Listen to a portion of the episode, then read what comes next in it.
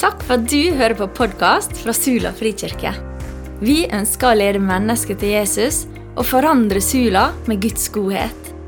Denne talen er spilt inn på en av våre gudstjenester, som er på søndager klokka 11. Vil du vite mer om oss, finner du mer info på Facebook eller på sulafrikirke.no. Du er alltid velkommen til Sula frikirke. Kjekt med så mye folk i dag. Velkommen, alle sammen. Eh, I eh, klasserommet en dag så eh, snakka vi litt om det vonde og det gode, og vi blir veldig lett fokusert på alt det vonde som skjer, og så sendte jeg spørsmålet ut i klasserommet. Fins det noe godt har dere noe eksempel på noe godt i denne verden som dere har opplevd? Og det helt stille en liten stund, og så plutselig så rekker en eh, fjortis opp handa med stjernen i blikket midt i puberteten. Ja, jente! Så da måtte jeg bare si enig. Jeg er helt enig i det. Disse jentene de er jammen gode, og det er mye godt, godt med dem. Og eh, det skal vi fokusere litt på i dag, da. For vi har så lett for å fokusere på det negative, det vonde. Og så er det en del som sier det fordi det er så mye vondt i verden, så, så kan ikke Gud finnes. Mange tenker sånn.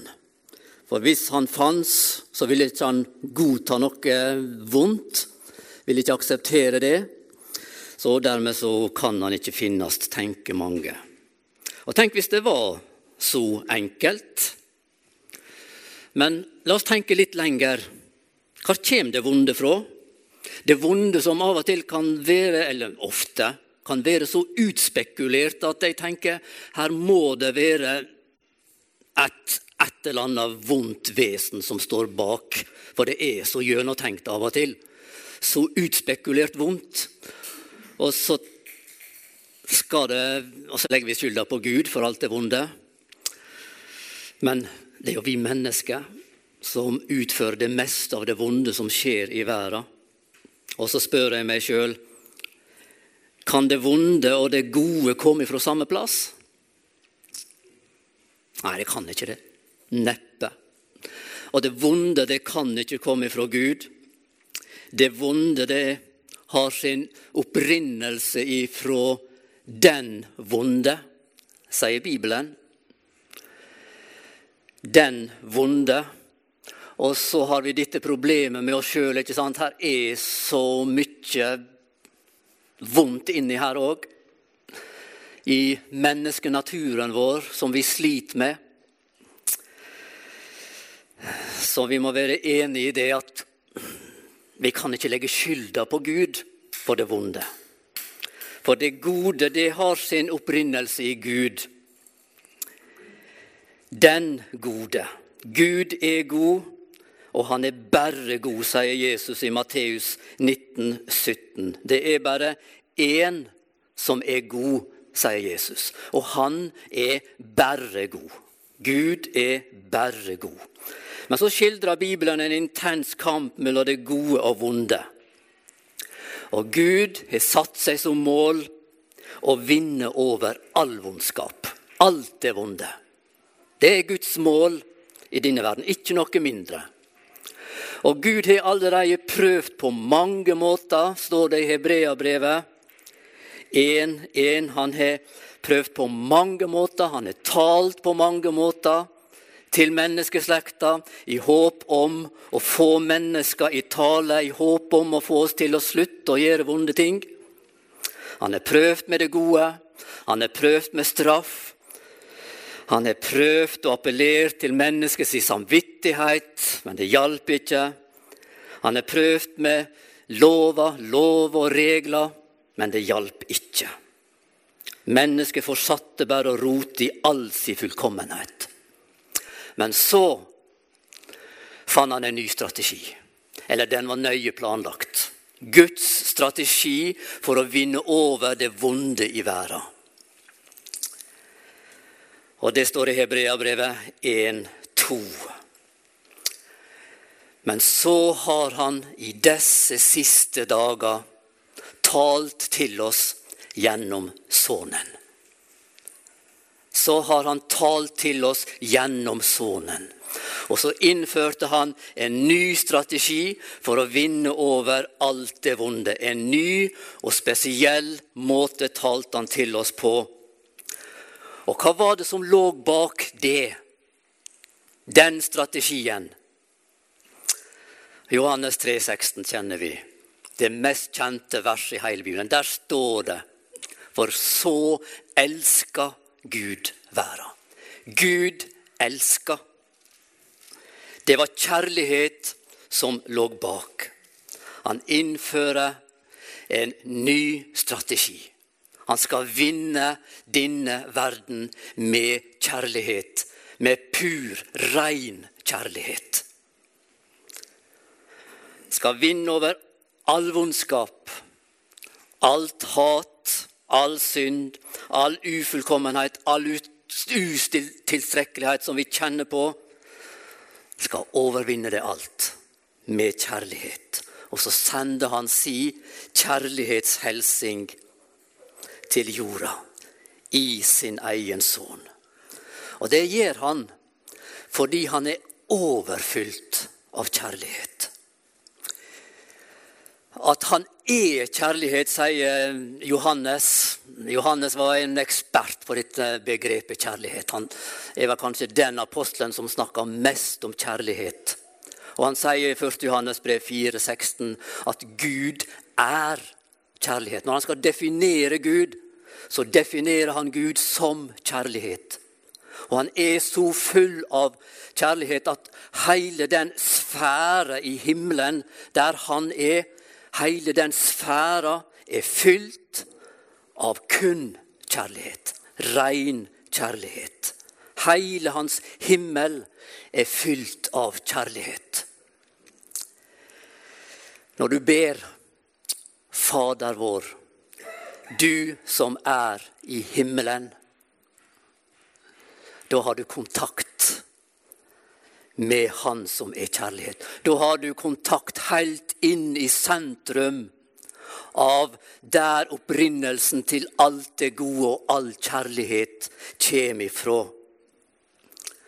Han har gitt meg tilgang helt inn i Guds hemmelige råd, der han tok beslutninger om alle oss mennesker, om ting som skulle gjelde for oss mennesker en dag. Og nå skal du få et nydelig vers. Efesabrevet 1,5. Det begynner sånn. I kjærlighet. I kjærlighet har Han Altså, Det som vi får oppleve som Guds barn, det beslutta han for lenge, lenge siden på forhånd. Så forutbestemte han oss til å få barnekår. Til å bli barn og få leve i et barneforhold til Gud. Ved Jesus skulle vi få det. Og så står det det bestemte han etter sitt råd av egen fri vilje. Og Så kan du lese videre utover det samme kapitlet som utdyper det der enda mer. I kjærlighet fordi han elska slik, fordi han var så full av kjærlighet, så full at det rant over, at han måtte skape noen som han kunne elske som sine barn. Gjelder det meg? Av og til syns jeg det kan være vanskelig å forstå at det gjelder meg. Elsker Gud meg? I de svarteste stunder så sier jeg av og til jeg tror ikke du bryr meg om meg, Gud. Har du tenkt det? Men han elsker meg. Og hvordan kan jeg vite det? Jeg er litt som eh, kona og mannen i hadde levd et langt samliv i ekteskap, men så ble det knuter på tråden, og så måtte de søke hjelp hos en familierådgiver. og Så kommer de inn der, og så spør familierådgiveren hva er det som er problemet. Og da sier hun han sier aldri at han elsker meg. Og da protesterer han. Ja, det sa jeg den dagen da jeg fridde til deg. Og det måtte vel holde? Gud har talt én gang, men han har gjort det mye sterkere enn som så. Han har vist det i praksis. Og der er noe grunnleggende vi skal få holde fast på, som gjør at vi skal få vite at han elsker oss kontinuerlig. Den kjærleiken, den gjelder hele tida. Ustanselig. Fordi han ga sin sønn. Og ikke bare det at han har talt om dette en gang da han sendte Jesus, men han har nedtegna det skriftlig. Så du har det hver dag. Du har det skriftlig. Du kan lete fram. Er du i tvil en dag, så leter jeg fram. Johannes 15. Der taler han om det igjen. Johannes 15, 9 slik som far har elska meg. Som hans barn, som hans sønn, så har jeg elska dere. Så elsker jeg dere. Og så kan du der, i dette ordet her, finne en slags stabilitet i kristenlivet, i truslivet. Jeg jeg elsker i dag også. Så kan vi ha spesielle opplevelser. Jeg kunne også fortalt om det, sånn som Bertil forteller om. Men så er det ikke alltid vi klarer å føle det sånn. Så kan jeg få leite det fram. Ja, det gjelder i dag også. Og det står skrevet. Han elsker meg i dag også. Han bryr seg i dag også. Skal du få vite. Og så minner han også om hvor sterkt han talte til oss om denne kjærligheten. Hvor sterkt han elska, for han ga livet sitt. Han elska så langt. Han elska oss til døden. Og igjen Johannes, 1. Johannes 3,1. Sjå hvor stor, veldig Guds kjærleik er. At vi skal kalles Guds barn. At han kaller oss sine barn. Det er ikke noe sterkere uttrykk som jeg kan komme på for kjærlighet. Det er den kjærlighet vi kan ha til barna våre. Ikke sant? Se hvor stor Guds kjærlighet er. At vi skal kalles Guds barn. Og så står det et punktum der for liksom å streke under en setning på tre ord. Og det Fire ord. Og det er vi. Vi er Guds barn, elska med en enorm kjærlighet. Det hadde jeg lyst å begynne med. Ja, nå er jeg kommet godt ut i freika allerede. Men når jeg skal snakke om å kle oss i kjærlighet, skal vi kunne det. Om vi sjøl kunne ha opplevd og kjenne oss elska. Og vi er så sterkt elska. Det var dette han forutbestemte oss til å få leve i. Den gjelder meg, den gjelder deg, den gjelder alle. Når dette gikk opp for meg, når jeg møtte Guds kjærlighet, når Han kalla meg sitt barn, da gjorde det noe med meg. Vi har alle en naturlig evne til å elske, gitt i skaperverket fordi vi er Guds skapninger, og Gud har nedlagt dette her i skaperverket. Det er noe utrolig fantastisk, som han gutt Kjortisen hadde begynt nå å oppleve. At han virkelig han evne til å elske. Det er fantastisk, som er nedlagt i oss. Men Gud han ønsker å styrke og forsterke dine egenskaper, for vi kan så lett ødelegge dine evner til å elske. Og vi er sånn, vi, vi har så mye i oss som kan ødelegge dine evner til å elske. Og Da vil jeg ta med noen, en nydelig tanke til fra Johannes kapittel 1, som hun, Kari også leste litt av her nå. Og her står noe da i 1. Johannes brev 4, 16. Og vi har kjent og trutt den kjærleiken Gud har til oss. Gud er kjærleik, der har vi det. Og så står det noe fint. Den som blir værende i kjærleiken, han blir værende i Gud, og Gud i han. Altså han likestiller kjærligheten og Gud. Blir du værende i kjærligheten, så blir du værende i Gud. Kjærligheten, det er noe guddommelig. Det er noe som han vil legge ned i oss. Og så elsker vi fordi han elsker oss først. Og så kan vi begynne å kle oss i kjærlighet. Gud vil lære oss å elske. Der er en seanse, jeg har tatt den fram før. Hvis jeg skulle velge en seanse fra Jesu liv da han gikk og vandra her på jorda, og jeg skulle få ha vært til stede, skulle ønske at jeg fikk være til stede der. Og hvis jeg fikk velge en av disse episodene med Jesus, da tror jeg jeg ville ha valgt denne episoden og oppleve den på nært hold. Etter oppstandelsen. Da læresveinene hadde fått eh, beskjed om å gå til Galilea. Og de går der, og det skjer ingenting, og sånn kan livet være. Og i kjedsomhet der så finner Peter på at han vil ut og fiske. Får ingenting, er ute hele natta og kommer sigende inn mot land, og der står det en mann. Har dere fått fisk? Nei, kast garna, og så sprenges garna. Og så forstår de hvem det er som står inne på stranda der.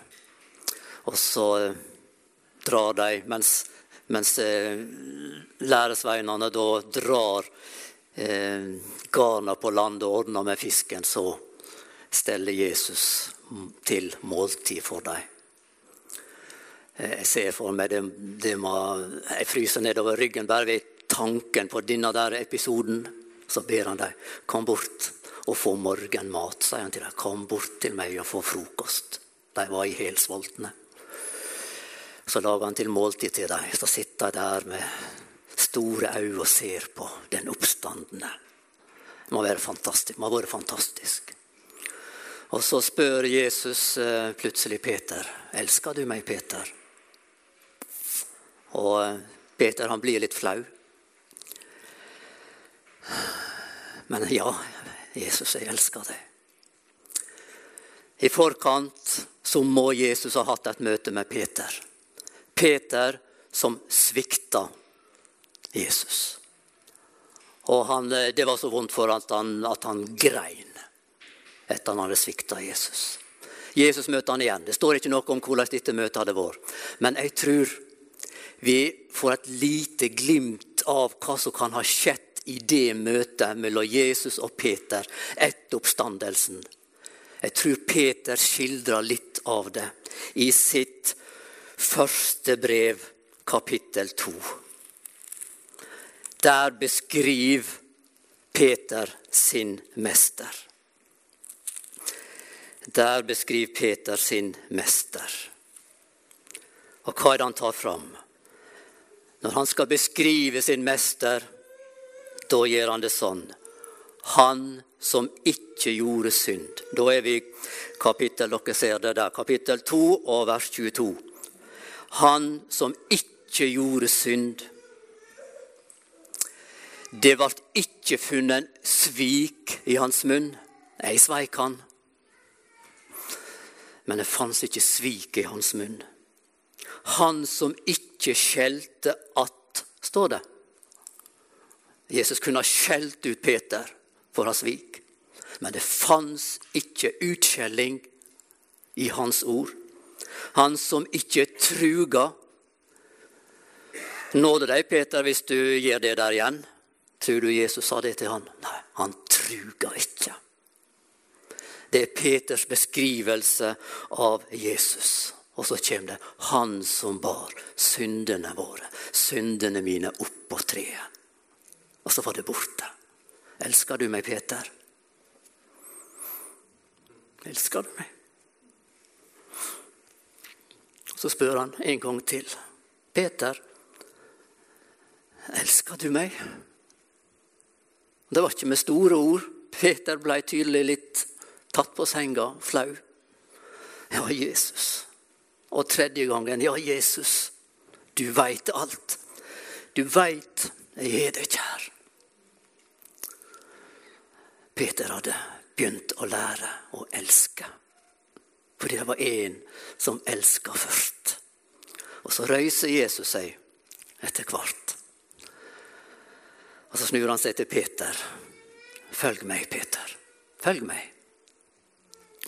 Kom etter meg. Og så fikk Peter begynne ei vandring deretter, som ble veldig spesiell. Og så fikk han også se. Jesus, han elska bare ikke meg, men han elska også alle de andre.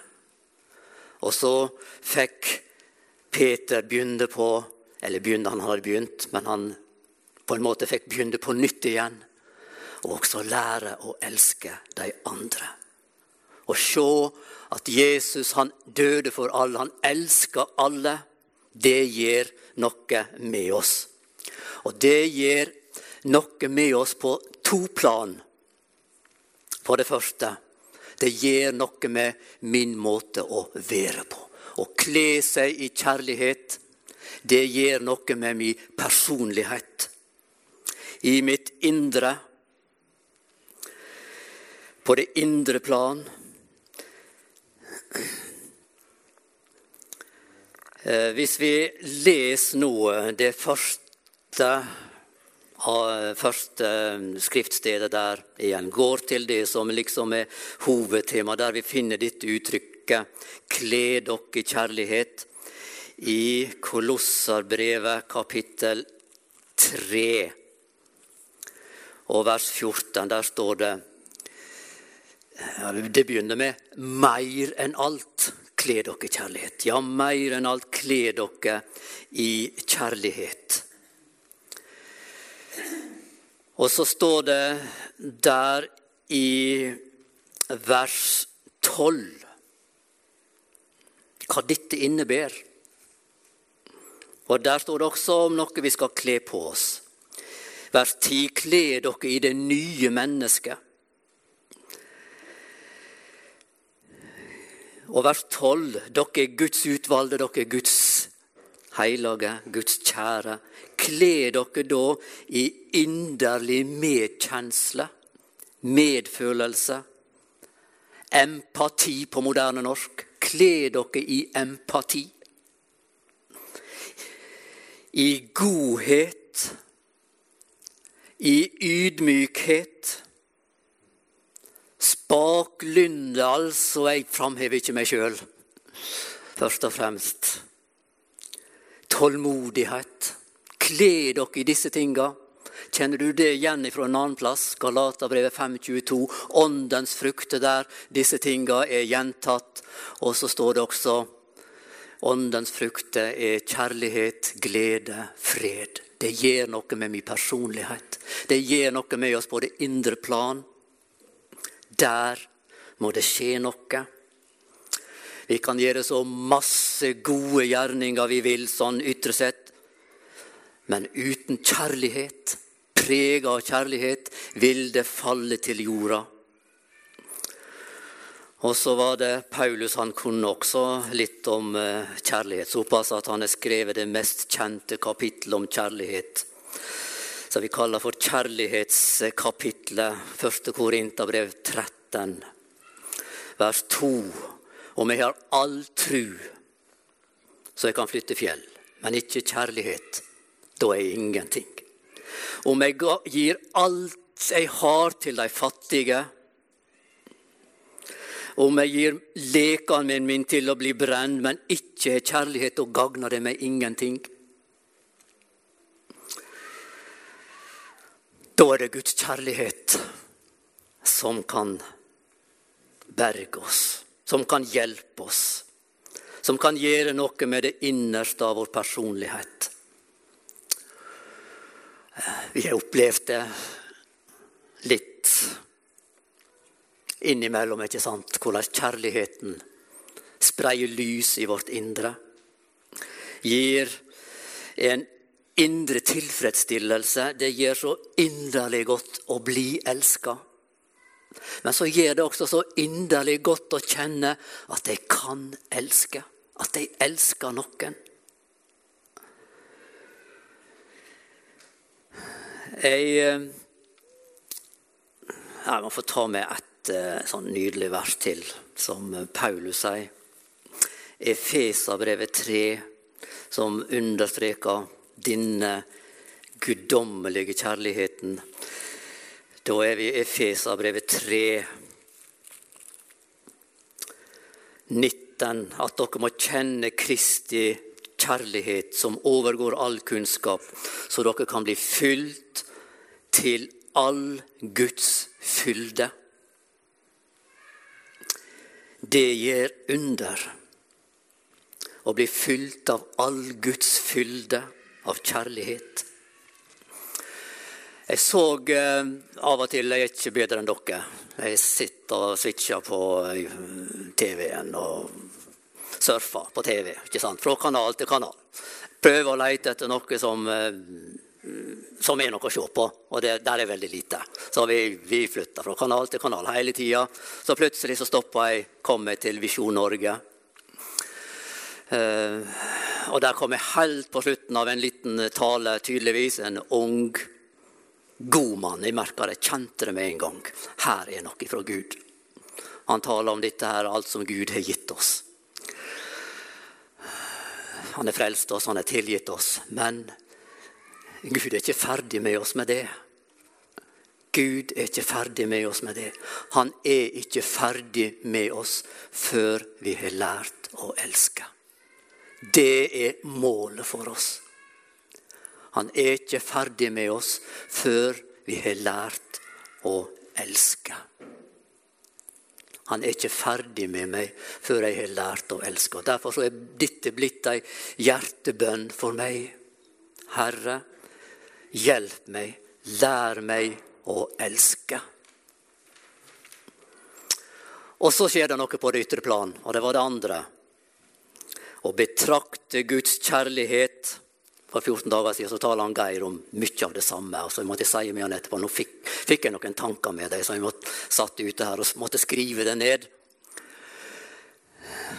Å betrakte Guds kjærlighet skaper en ny åndelig kreativitet til kjærlighetsgjerninga. Og det gjør at vi har godhetsaksjon. Vi vil gjerne gjøre gode ting ikke sant? i kjærlighet. Det skjer på det naturlige plan, fordi vi er Guds skapninger. Når vi ser at vi er verdifulle, og de andre er like verdifulle. Men så skjer det også når vi ser dette hvor Gud har elska oss. Da skaper det en kreativitet. Jeg er ikke kreativ for det. Jeg sliter med det. Jeg må be om det. Hjelp meg å vise kjærlighet. Hjelp meg å vise det. Ingen stor dikter. Men av og til renner det over, og så, og så former det seg noen ord. Ikke sant? Og så får hun Elin eh, et lite dikt. Ikke sant? Og så, eh, Hun har sikkert glemt det. Jeg gjorde sikkert ikke så veldig inntrykk. Eh, det er ikke blitt så ofte, en stund siden. Og så tenker jeg jeg er jo ingen dikter, men så kom noen ord likevel. Og så Kjærlighetens kreativitet, kaller jeg det. Den gir oss kjærlighet oppfinnsom gjør, seg, ikke sant? Og det er veldig sant, det. Når vi fyller oss med kjærlighet, så blir vi oppfinnsomme, så begynner vi å tenke hvordan kan vi vise denne? Denne kjærligheten. Kan du få noen eh, gode tips? Jeg fikk slippe til så tidlig at nå kan jeg holde på ei stund. Romabrevet 12. Det har jeg tatt fram før, men jeg fikk ikke tid å lese det, så nå kan jeg ta igjen en del ting som jeg ikke har fått snakka om før. Romabrevet 12 skal du få noen praktiske tips fra vers 21. La kjærligheten være uten hykleri. Ekte. La folk få kjenne at det, det, det kommer innenfra.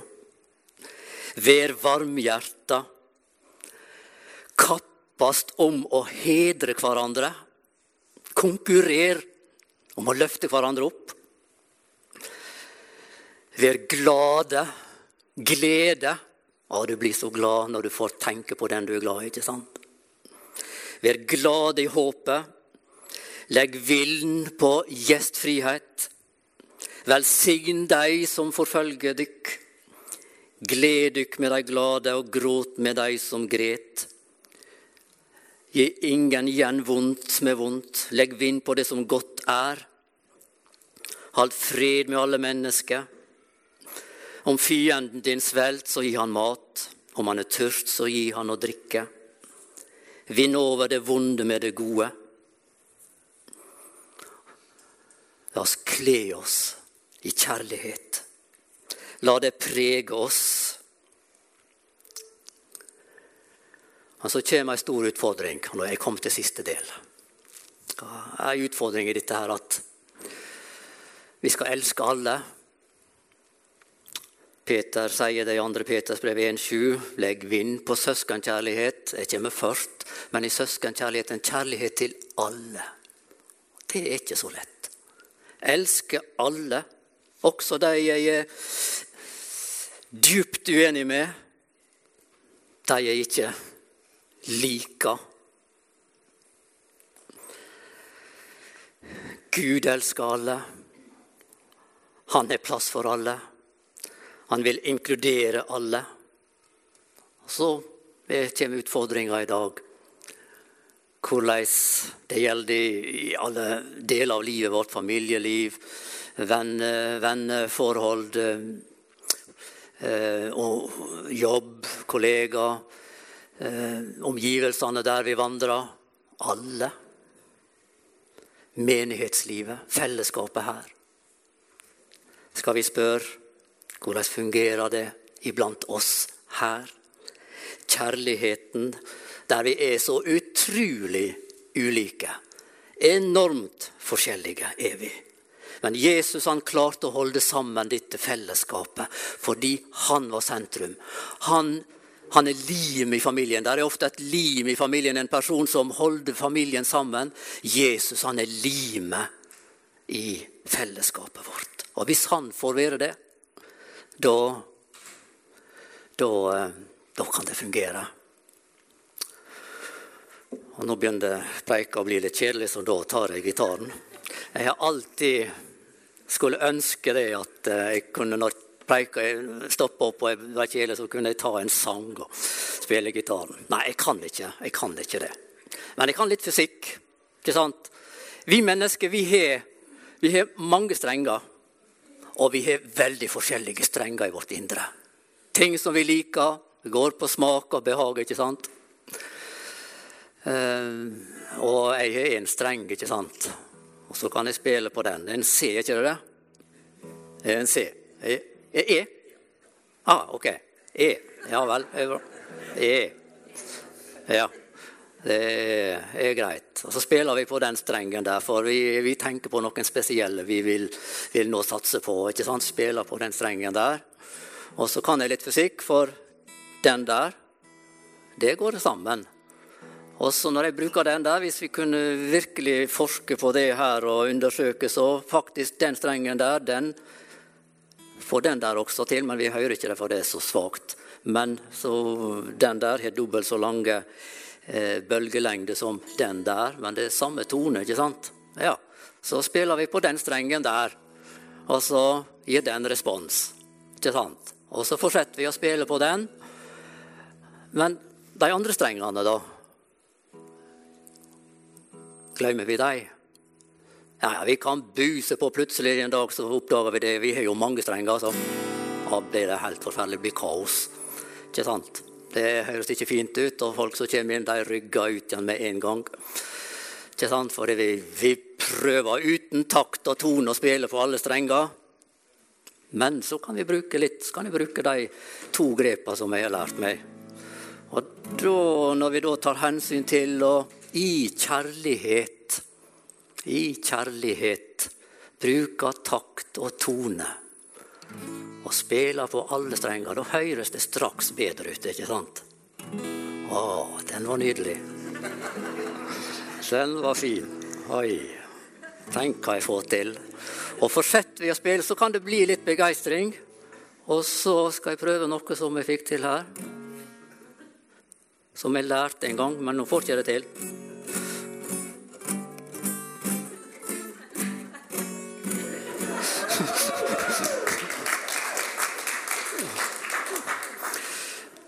dere, da, da, var dere med igjen, ikke sant? Da kan vi, da kan vi avslutte. Dere forsto poenget, ikke sant? Dette her, det handler om enkeltmennesket. Det handler om enkeltmennesket. Se alle. At alle får en opplevelse av å bli sett. Av å bli inkludert av å høre til. Og så må vi tenke skulle hatt en liten sånn undersøkelse. Du som er forholdsvis ny, skulle gjerne ha visst Hva var det som gjorde at du kom til Frikirka? Skulle gjerne visst. Var det noe av det vi snakka om? Var det noe av det du merka? Hvorfor kommer det ikke flere? Folk som stikker innom, men finner seg ikke til rette her. Hva er det som gjør det? Folk som har gått her, og som ikke er her lenger. Det er utfordringer. Det er utfordringer som jeg gir, sender ut i dag. Se alle. Skal vi øve oss på det, folk? Inkludere alle. En dag skal vi si Kjærligheten vant. Kjærligheten seira. All vondskap er overvunnet. En dag skal vi si det, for Jesus er seierherren. Og så skal vi få slutte oss til det toget av kjærlighet, kjærlighetstoget som går gjennom verden, og som er det eneste som gir denne verden håp den verden som er så full av hat, av vondskap utført av mennesker, så vi av og til når vi ser nyhetene, kan bli livredd. Jesus og hans kjærlighet er det som gir verden håp. Jesu kjærlighet er verdens håp. Jesus er virkelig verdens frelser. Han er det.